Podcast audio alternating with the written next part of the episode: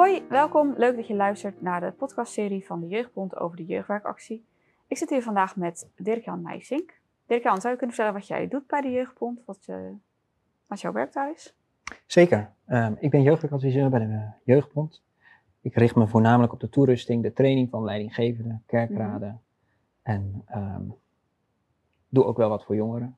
Mm -hmm. Maar uh, niet meer zoveel, want ik werk uh, parttime bij de Jeugdbond en ben daarnaast docent godsdienst aan Drie Star Hogeschool. Ah, Oké. Okay. En jij richt je dus eigenlijk heel veel op, op, op de leidinggevenden, dus eigenlijk niet zozeer op jongeren zelf, maar mm -hmm. op wie er om de jongeren heen staan. Precies, nou, ja. In, in, de vorige podcast ging het over het belang van Bijbellezen voor de jongeren individueel. waarom is nou die, die kerk en die omgeving ook, ook zo belangrijk wat jou betreft, ook als het gaat om Bijbellezen voor jongeren? Ja, er is zo'n uh, slogan van, volgens mij van de protestantse kerk, van uh, geloven doe je in de kerk, hè? geloven doe je niet in je eentje. Mm -hmm. Ik denk dat dat uh, heel belangrijk is om dat ook aan jongeren mee te geven.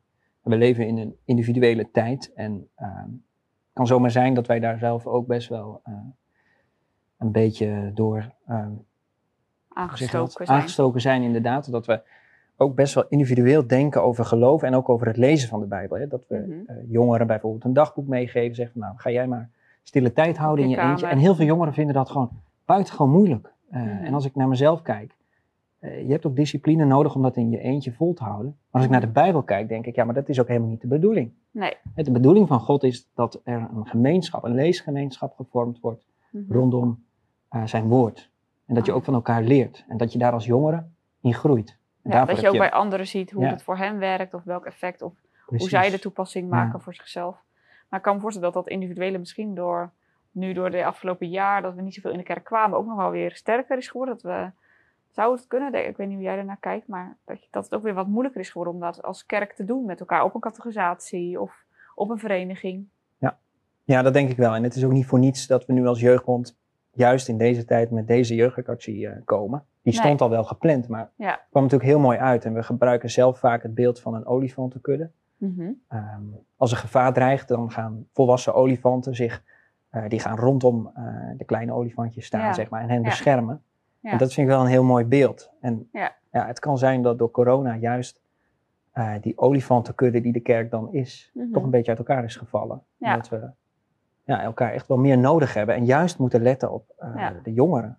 Die ja, toch wel gevaar lopen als, nou ja, niet gevaar in letterlijke zin, maar wel uh, hebben ze volwassen mensen, mm -hmm. hebben ze een gemeenschap waar ze dingen leren. Ik weet niet hoe jij uh, dat ervaren hebt in je studententijd bijvoorbeeld, maar stel je voor dat je studentenvereniging, studentenkring, dat je dat allemaal gemist had in je ontwikkeling, mm -hmm. zeg maar. Ja. Wat, wat, zou dat met je gedaan hebben?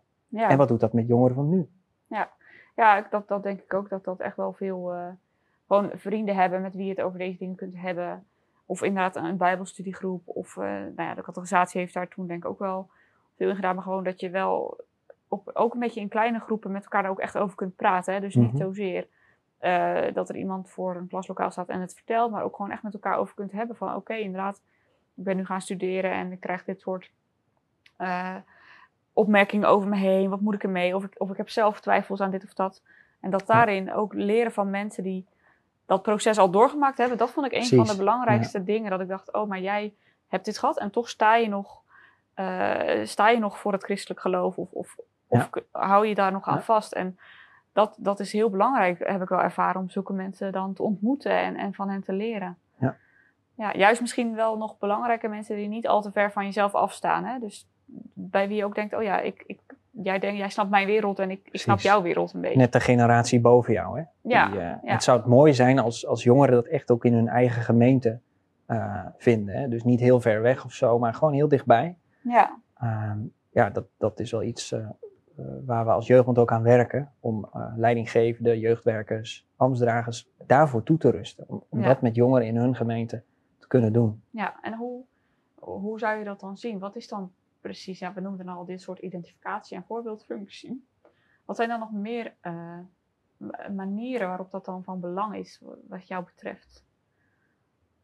Nou, het, uh, het mag ook een stukje kwetsbaarheid hebben, denk ik. Um, soms kunnen jongeren ook kijken naar, naar volwassenen van ja, die hebben hun leven perfect op orde en Zeker ook als dat, als dat mensen zijn waarvan zij uh, zien dat ze de Heeren lief hebben. Mm ja, dan kan het een soort beeld geven van dat is voor mij onbereikbaar. Oh ja. Dat, dat moet juist, denk ik, dichtbij gebracht worden. En uh, daarvoor is het belangrijk dat je transparant en eerlijk bent. Hè? Dat je mhm. ook vertelt waar je doorheen bent gegaan, welke worstelingen je meegemaakt hebt en welke je nog steeds hebt. Ja, dat je niet te snel ook het antwoord klaar hebt altijd. nee, precies. Ook naast de jongeren staan in de vragen die er kunnen zijn. Ik kwam een keer een, uh, een, meisje tegen op een avond van de jeugdbond en die had heel veel vragen rondom het geloof. Ook gewoon over de schepping, over hoe dat allemaal ging voor de zondeval en zo. Mhm. En mijn valkuil was om uh, meteen antwoord te geven. Ja. Maar ik dacht later, ja, daar zit ze natuurlijk helemaal niet op te wachten. Komt ze weer iemand tegen die het allemaal weet. Die het allemaal wel weet, ja. Dus uh, dan is het belangrijk dat ook te beseffen. Want wat is, zit hier nu eigenlijk achter? Wat is de vraag ja. achter de vraag? En dat je waarschijnlijk zelf ook door een proces heen bent gekomen om daar wat rust in te vinden. Of, of, of en misschien nog steeds wel eens denkt, oh ja, en hoe breng ik dit dan weer samen met, met wat ik geloof en wat de basis van mijn leven is? Daar komen natuurlijk in ons leven steeds weer nieuwe dingen ook van, mhm. hè, die dat toch weer uitdagen. Of Waar je weer zelf ook terug moet naar de basis van, oh ja, heer, ik, ik voel weer dat ik uh, meegesleept word door iets. En, en dat juist het, nou ja, nu wij wat, weer wat meer naar de kerk kunnen, ervaar ik het ook heel veel. Dat je denkt, oh ja, na de kerkdienst nog weer even napraten met iemand hierover. En ook bijvoorbeeld dat ervaren van, oh, ik voel me toch soms een beetje losser van de kerk, doordat ik er niet meer zo vaak ben. En dat je dat met elkaar bespreekt, dat je dat bij elkaar herkent van elkaar en elkaar stimuleert van, hoe belangrijk het is dat dit gesprek er is. En dat, we, nou ja, dat is denk ik wel heel, uh, heel ja, belangrijk. Ja. en voor jongeren komt daar denk ik ook nog wel bij dat um, als het goed is, is ze in de kerk ook mensen ontmoeten die hen, um, ja, die hen uitleg geven, die hen vertellen over, mm -hmm. uh, over, over, de Bijbel bijvoorbeeld. Uh, hoe ze dingen zelf moeten lezen, hoe, hoe, ze ermee om moeten gaan. Hè. Bijbel lezen, waarschijnlijk in de vorige podcast ook wel uitgebreid over gegaan. Hè is niet makkelijk en hoe doe je dat? Ja. En ja, dat ook gewoon met elkaar doen. Dus, dus niet jongeren zeggen van nou, je, ga jij maar uh, je gang met Bijbel lezen alleen op je kamer, maar, maar doe het vooral samen met elkaar. Mm ga, uh, ga die zoektocht aan met elkaar. Om, om ook te ontdekken wat zegt de Bijbel uh, tegen jongeren, maar ook tegen volwassenen. En um, ja, wat betekent dat? Ja, mooi. Dus dat, dus, dus dat samen doen. Maar, en een voorbeeld zijn noem je uh, herkenning vinden bij elkaar. Dat dat eigenlijk de dingen zijn uh, die daarin belangrijk zijn. En je zei net van ja, in de Bijbel zie ik eigenlijk iets anders. Heb je voorbeelden van over dat individueel ten opzichte van dat dat ook met elkaar moet? Heb je voorbeelden van dingen in die je in de Bijbel dan leest waaruit, waaruit je dat dan een beetje haalt? Hoe belangrijk die gemeenschap ook kan zijn? Ja, nou, ik was net bezig met een podcast over Romeinen. Mm Podcast van de Jeugdbond. Uh, en Ehm, het is heel mooi hoe Paulus dat bijvoorbeeld schrijft in Romeinen 1. En dan, dan, schrijft hij over dat hij verlangt om naar de gemeente van Rome te komen. Is hij nog nooit geweest? Mhm. Ehm, dan zou je verwachten, hij is apostel, dus hij komt naar hen toe en zal daar gaan preken en heeft hen iets te brengen. Mhm. Maar het mooie is dat hij ook iets wil halen. Ja. Hij zegt, ik wil um, door het onderlinge geloof uh, dat jullie gesterkt worden en ik. Hè, dat we beide troost krijgen, dat we beide bemoedigd worden. Oh. Niet alleen zij, maar ook ik. En dat vind ik wel heel mooi, dat hij in zo'n brief echt de nadruk legt op de gemeenschap. En we zijn het samen. Hij schrijft zich letterlijk het onderlinge geloof. Dus het geloof dat ons verbindt. Ja. nou, dat vind ik een heel mooi voorbeeld van hoe apostel Paulus dat doet. Je ziet het ook in de gemeente in handelingen, zeg maar. Dat ze bij elkaar komen dagelijks. Ja, in de opperzaal hè, ook, de discipelen toch, waar de Heilige Geest kan, dat ze dan met elkaar zijn om te zingen en te bidden mhm. en te lezen. En de gemeente van Berea, die samenkomt om uh, de dingen te onderzoeken. Mm -hmm. uh, of ze echt zo zijn zoals Paulus ze preekt, zeg maar. Ja. Dus een soort kritische gemeente die uh, zoekt in de Bijbel van, hey, wat, wat, wat, zegt Paulus en, en klopt dat ook? En, ja. ja dat, dat is denk ik ook iets waar de Heilige Geest hen toe aanzet. Ja, ja. Ja, mooi. Ja, wel heel duidelijk ook hoe, hoe, belangrijk dat dan is ook voor die eerste gemeente en in die eerste, in die vroege kerk, zeg maar. Mm -hmm. hey, en je zegt van nou, ik doe dan toerusting van uh, jeugdwerkleiders en kerkraden. Hoe, wat voor aanbod heeft de jeugdbond daar dan voor om daar een beetje toerusting in te bieden? Ja, wij bieden een training aan voor leidinggevende kerkraden of, of, of bijbelkringleiders uh, om uh, bijbel te lezen met jongeren, bijbelstudie te doen. Mm -hmm. Dan, nou ja, dan gaan we eerst naar de inhoud van een bijbelstudie kijken. Hè, van, hoe pak je dat aan, hoe bereid je dat voor? Mhm. Wat dan heel belangrijk is, is uh, welke vragen stel je aan de Bijbel? Mhm. Dus vragen stellen, Bijbel lezen is ook heel goed om te doen. Want die Bijbel die, um, die wil zeg maar uitgedaagd worden. Mhm. Door uh, vragend te lezen. En niet over dingen heen te lezen, maar erbij stil te staan. Um, en een ander deel van die training is, hoe doe je dat nou voor een groep? En welke vaardigheden heb je nodig mhm. om dat gesprek te leiden? Om jongeren bij de hand te nemen, om samen die Bijbel in te duiken. Um, toepassing te maken. Uh, dat oefenen we ook met elkaar. Dat is een training oh, waarin we heel veel, waarin heel veel pra praktische. Hoe zeg je dat? Ja, ik wil bijna het in Engels zeggen, maar waar, waar je heel veel traint met elkaar. Ja. dus um, ja, dat is een, dat echt een hele mooie training. Ik geef hem al een aantal jaren, maar het is altijd weer prachtig om te zien hoe, um, ja, hoe deelnemers van zo'n training ook, ook daarin ervaren ja, wat je kunt doen met, ehm, met de Bijbel open met, met jongeren. Ja. want heel vaak zijn we geneigd om door te geven. We, hebben, we houden een soort inleiding op training en dan vertellen we jongeren iets van wat we in de Bijbel hebben gelezen. Ja. Maar het samen doen, is, dan breng je de Bijbel zelf ter sprake. Ja. En dan geef ik het niet door, maar dan gaan we het samen ontdekken. Ja, dus dan ben je minder aan het uh, onderwijs geven, maar samen aan het leren, zeg maar. Dat is dan eigenlijk het verschil. Dus je niet zozeer aan het vertellen bent wat de Bijbel eigenlijk ons leert, maar als je de jongeren toerust om dat zelf ja, met het woord in interactie te zijn. Precies, en dat vinden wij best wel spannend. Hè? Dat merk ik ook soms wel aan ambtsdragers bijvoorbeeld. Hè? Dat we zoiets hebben van ja, kan dat dan wel? En dan krijg je dan niet een verkeerde toepassing of een verkeerde interpretatie. Maar het mooie uh, uh, daarvan uh, is wel dat, dat we moeten wel geloven dat de Heilige Geest ehm, zowel de Bijbel geïnspireerd heeft, mm maar ook nog steeds de toepasser van het woord is. Hè. Dat gebeurt in dat proces. Hè. Dat kunnen wij niet narekenen, maar we geloven toch wel dat, uh, ja, dat het woord van God het instrument van de Heilige Geest is om um, te transformeren. Ja, dat dus, woord dus zelf te veranderen. zelf doet en ook doet zoals God het wil. Ja. Dat, dat hij doet, ja. ja. Ja, eigenlijk mag je er ook op vertrouwen, toch? Dat juist het, er zegen is op het Bijbellezen zelf. Ja. En als je, als je dat dan zo heel vast wil houden of in jouw kader wil gieten, dan nou, dan kan, de dat kan het aanspreken ook misschien wel verminderen. Wat voor hmm. de jongeren zelf. Uh, ja. ja. Ja. wij hebben uh, de waarheid niet in pacht. Nee. Wij, wij gaan niet over de waarheid. Uh, de waarheid is het woord van God. Mm -hmm. En eh, het wonderlijke van het woord van God is dat het transformeert, dat het verandert. Mm -hmm. Wij zijn heel erg geneigd om, om de vraag te stellen: wat kan ik nou leren van de Bijbel? Maar het woord wil natuurlijk allereerst transformeren. Mm -hmm. Dus mij tot verandering brengen. En daarom horen wij dingen ook heel vaak niet mhm. één keer iets, maar sommige geschiedenissen, verhalen uh, heb je honderd, uh, vijfhonderd keer gehoord. Ja. En ik geloof toch dat als je heel vaak met de Bijbel bezig bent, er veel in leest, je er zelf in onderdompelt met elkaar, dat dat, dat woord, dat dat je echt verandert. Ja. Je wordt er echt een ander mens van. Ja, dat heeft natuurlijk ook wel met leer te maken. Maar, maar minstens zoveel met leven en, en wat het in het dagelijks leven, in het contact met andere mensen en in al die andere, en, met, en het eh, in relatie met God. Ja. Veel meer bijna nog dan de leer op zich. Ja.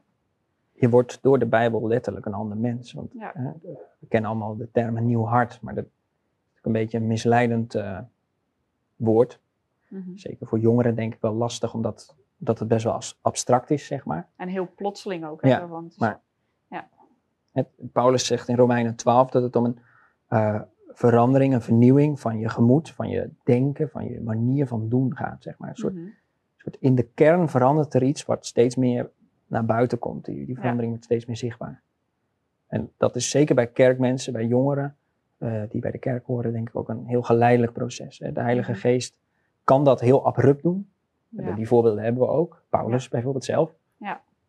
Maar uh, als je jongeren bent, uh, opgevoed in de kerk, dan doet de Heilige Geest dat vaak eh, heel geleidelijk. Ja, en zelfs ook een Paulus had nog elke dag die bij, uh, bijschaving nodig, toch? Die, zal nooit, mhm. die was daar zelf niet zo van, nou nu ben ik op dag één zo erg veranderd en nu hoef ik nooit Klaar. weer bijgeschaafd te worden. Of, het is nooit af. Nee, nee. dat is ook dat, ja, het mooie, denk ik, van de Bijbel, dat het nooit aan zeggingskracht inboet. Ook niet, juist niet na een bekering of na, na die verandering die je dan ja, en de Bijbel is ook geen. Um, Bijbel is ook geen uh, boek dat alleen maar over bekering gaat, hè? over mm wedergeboorte. Dat wordt, ja, dat, ik denk dat heel veel jongeren een soort uh, Bijbel lezen omdat ze dat moeten. Hè? Want, Om bekeerd te worden. Je wilt bekeerd worden, mm uh, dus moet je de Bijbel lezen. Maar de mhm. Bijbel is zoveel meer. Het is, um, ja, het is eigenlijk, uh,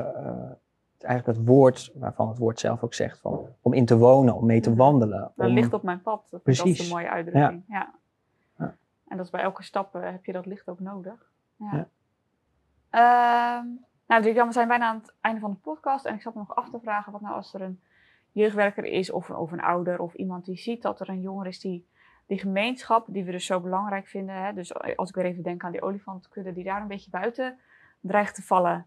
Wat, wat zou je daar nou aan mee willen geven? Wat, wat, kun je dan, ja, wat kun je dan meegeven wat daarin ook van betekenis kan zijn als je zo in zo'n situatie zit of een jongere kent die daar mm van afdreigt te ja. dwalen? Ik denk dat elke gemeente ze wel heeft, kent. Ehm, twee dingen. Ik, ik denk aan Paulus allereerst. Ehm, als Eutychus uit het raam is gevallen. Een grote consternatie in die uh, gemeente, in Troas. Mm -hmm. We kunnen heel veel leren van hoe Paulus mee omgaat. Hij uh, gaat naar beneden en omarmt deze jongen. En dat is een mooi beeld, dat je uh, jongeren die dreigen weg te vallen, of zelfs al figuurlijk uit het raam zijn gevallen, dat mhm. je ze omarmt, naar ze toe gaat, gaat levelen. En ik moet dan ook denken aan Dietrich Bonhoeffer, Duitse theoloog en verzetsheld natuurlijk. Ehm, die op jonge leeftijd theologie gestudeerd heeft, gepromoveerd is op een heel uh, nou ja, wetenschappelijk thema uh, over de kerk. Mm wat, wat, is de kerk? En vervolgens wordt hij gemeentepredikant in een arbeiderswijk in Berlijn. Ja. En dan komt hij jongeren tegen ja, die eigenlijk helemaal niks met de kerk hebben. Een enige lijntje daarmee is, is dat ze van hun ouders daar nog wel naartoe moeten. En nou ja, de kerk is toch nog wel een beetje belangrijk, zeg maar. Maar hoe en wat, daar hebben ze geen idee over. Mm en dan zie je bij hem dat hij daar heel diep over gaat nadenken. En dat niet alleen, niet alleen het denken, maar gaat ook doen. Hij gaat ze opzoeken, hij gaat op hun niveau zitten, hij gaat mooie, leuke dingen met ze doen. Mhm. Dus hij komt echt in hun, levens, in hun leefwereld binnen ja. en maakt ook echt uh, de connectie. Dat ja. vind ik ontzettend knap, dat je, dat je dat kunt en dat je dat doet, dat je dat durft. Ja, het is best spannend, want je moet eh, wel een soort uit je eigen veilige omgeving. Hè? Want... Ja. Ik denk dat dat de enige manier is uh, waarop we de ja, waarop het contact vanuit de Bijbel, de kerk, met jongeren kunnen maken. Ja. Dus het gaat niet zozeer om dat. jongeren zijn niet zo geïnteresseerd in uh, hoeveel kennis ik heb, wat ik allemaal weet, wat ik allemaal aan hen wil vertellen. Maar vooral heb ik hart voor ze. Hoe leef ik en wie, wat, uh, wat, wat, wat, voelen ze bij me als ik. Geef, ik geef ik echt om ze. Ja. Gewoon puur wie ze zijn. Ja. En dan kan je iets kwijt. Ja, vanuit het woord. Hè? En dat is ook zien dat je dat ook juist doet vanuit het woord. En hoe belangrijk jij voor hen ook het woord vindt. Hè? Of, of dat je ziet dat je echt iets belangrijks te melden hebt. Maar dat je daarvoor dus ook uh, out of je way wil, wil, gaan, zeg maar. Van, Zo belangrijk vind ik het voor jou dat ik alles doe om dat ook bij jou te brengen. Ja. En niet van, oh, als jij afdwaalt, nou ja, laat dan maar. En uh, nee. ja, blijkbaar past het niet bij jou. Of, uh, ja, ja en ja, toch allereerst gewoon die relatie voorop. Ja. En, en, ja, ik denk dat dat uiteindelijk ook bijbels is. Hè? Um, het grootste voorbeeld is de Heer Jezus zelf. En waarom is Hij mens geworden? Om ons te zoeken in onze verlorenheid. Dus wij moeten, net als Hij, uh, jongeren ook altijd zoeken in hun verlorenheid. En uh, nou, dat lijkt mij een hele mooie Bijbelse opdracht. Ja, mooi dat je daar zo je rol in kan spelen, ook via de Jeugdbond. Hey, bedankt voor je tijd, Dirk-Jan, en voor je toelichting.